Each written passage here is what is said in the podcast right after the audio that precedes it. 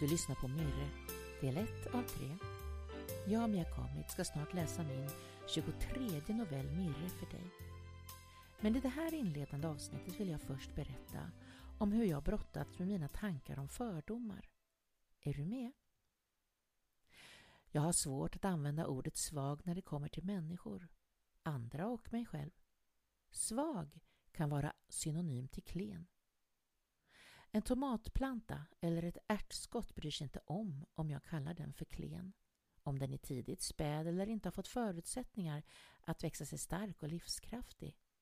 Men jag har lärt mig att inte döma ut dem för tidigt. De kan med nya förutsättningar och omsorg överraska och bli starka de med. Men vi människor kan mena någonting annat än att bara vara svag i kropp och muskler. Vi menar ibland psykiskt på en mängd olika sätt och det kan vara kränkande och ibland väldigt missvisande. Jag har till exempel lätt till tårar. Jag är extremt emotionell och svämmar över av minsta lilla. Men gör det mig svag?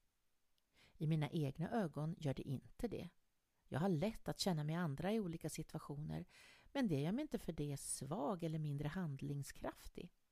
Jag blir inte sällan retad av min omgivning för att jag till och med kan bli tårögd av en reklamfilm. Men är det inte precis just det kreatören till den vill? Och äktheten i innehållets budskap i en reklamfilm eller falskheten i ett verkligt scenario är som jag ser det mest vad vi själva läser in i det. Jag har till och med blivit skrattad åt när jag gråtit på bio.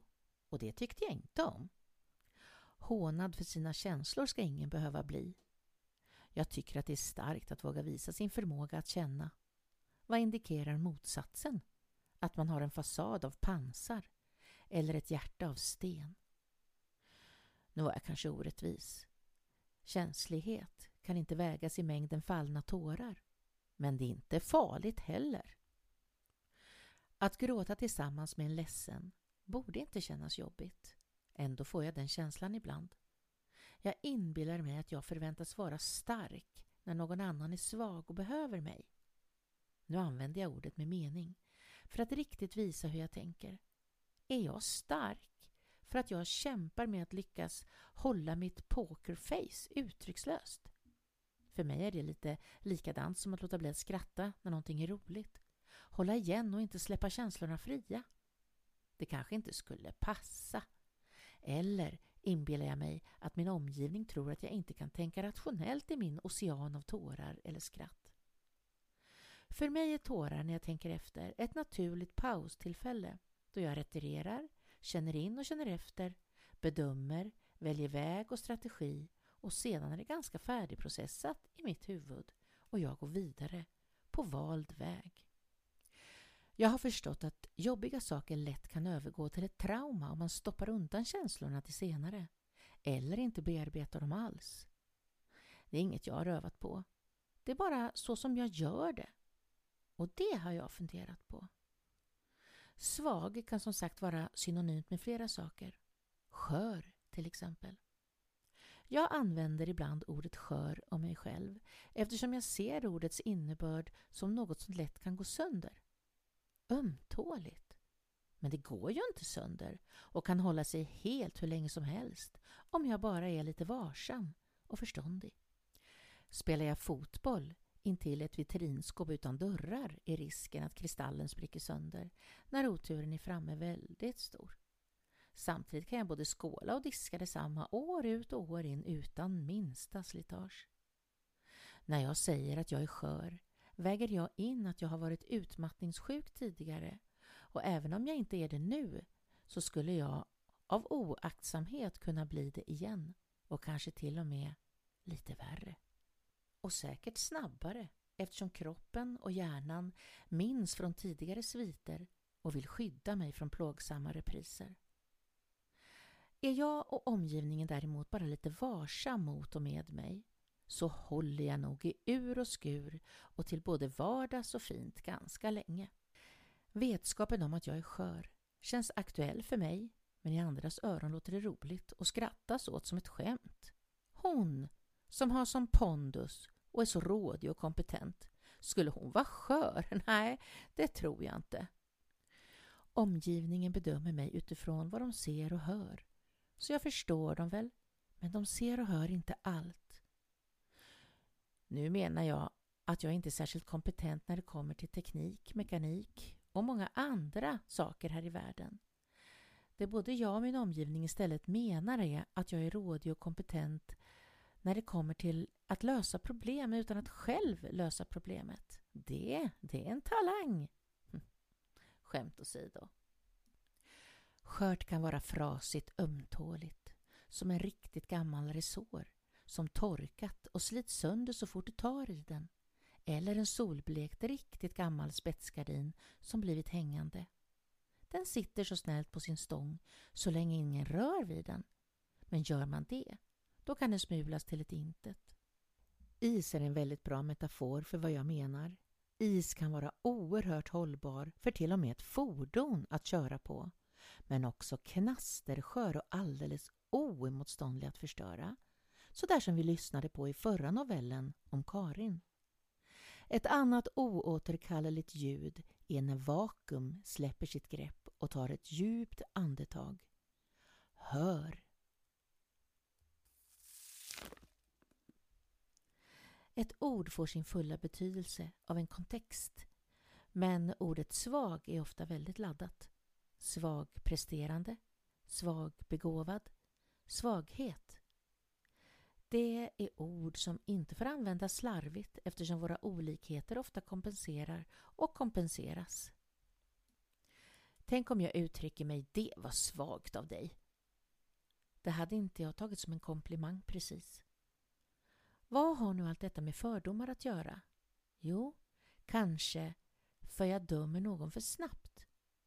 Jag återvänder om igen till mitt yngre jag. Jag var snabbare att dra slutsatser om människor förr. Jag hade inte lärt mig att orsaker till människors sätt att vara och agera kunde bero på så mycket mer än det jag i stunden såg och kunde räkna ut. Det var mera svart eller vitt då. Alla mina åsikter var inte fel såklart, men jag saknade förmågan att navigera i gråzonerna och de är så mycket mer komplexa och nyansrika än det faktiska svarta och vita är. Två färger som egentligen inte ens finns. Jag har fördomar för att jag inte förstår allt. Jag tänker att ett beteende eller ett agerande är väldigt långt ifrån mina egna normer och därför inte kan vara rätt. Så skulle jag aldrig gjort eller tänkt. Jag ser konsekvenser av visst handlande, men livet är som ett plockepinn. Spelet med alla små pinnar som ligger i ett virvar och du ska försöka peta ut en utan att de andra rör sig. Väldigt sällan lägger sig tillvaron framför oss i raka rader. Naturen skulle heller inte vara lika fantastisk om vi bara planterade den i raka rader. Det är väl därför ordet naturligt är så oändligt. Vi pausar kort här och lyssnar på musikstycket som jag har tillägnat Mirre. Hoppas du ska tycka om det.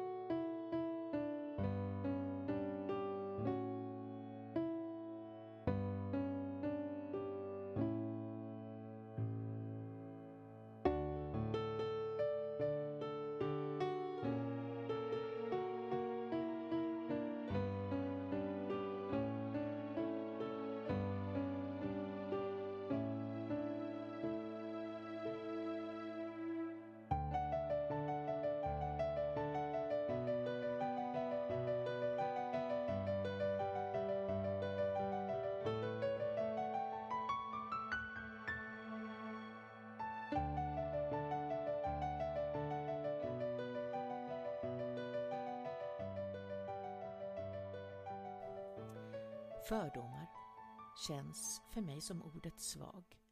Ordet är en gåta så länge som kontexten inte är fullständigt utredd, genomlyst och utelämnad.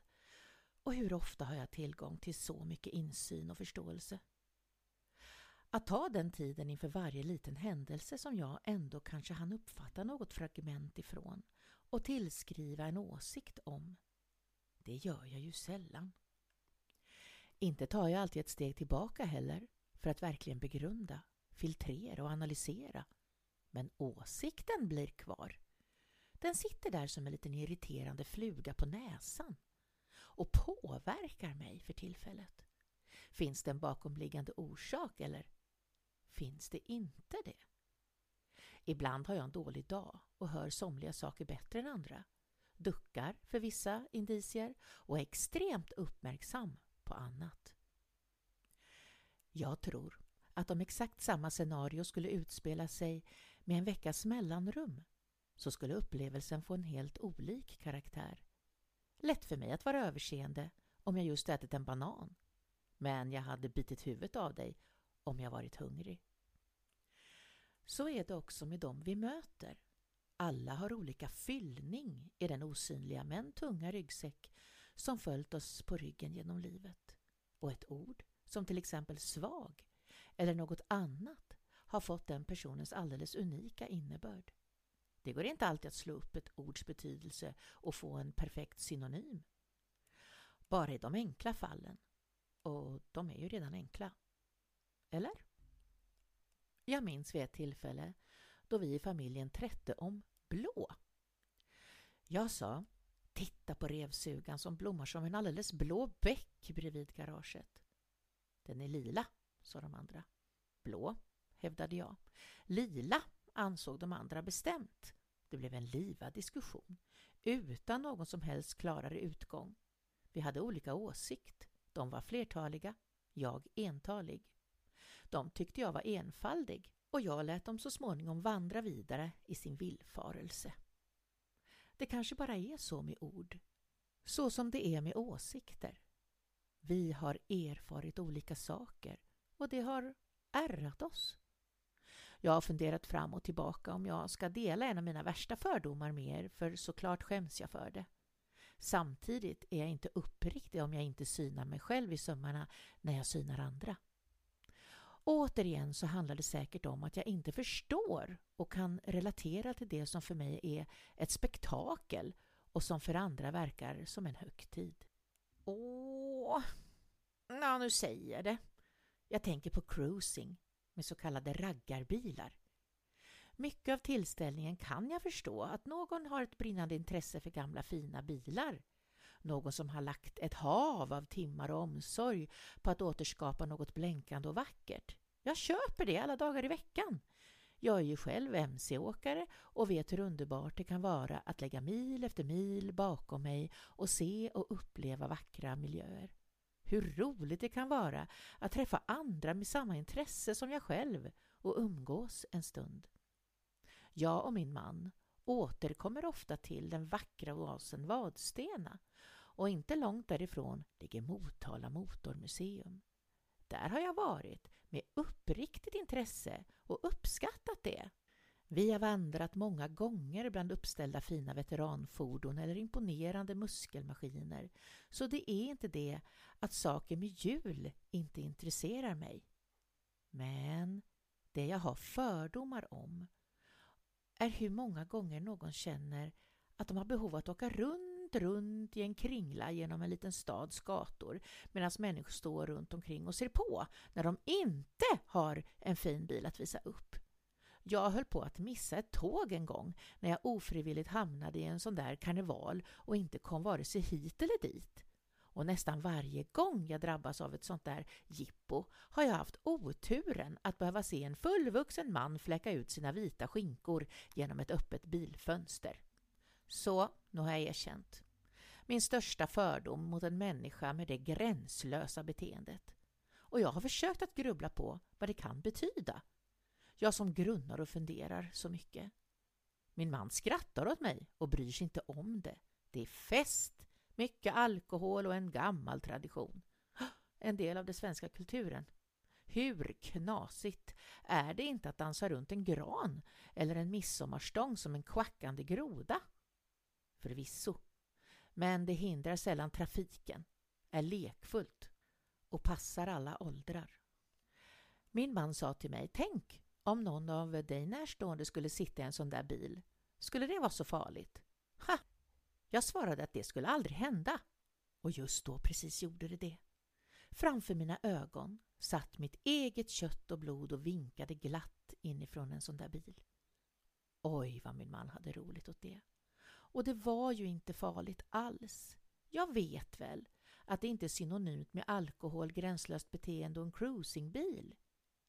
Man kan som vanligt inte dra alla över en kam. Det behövs inte heller.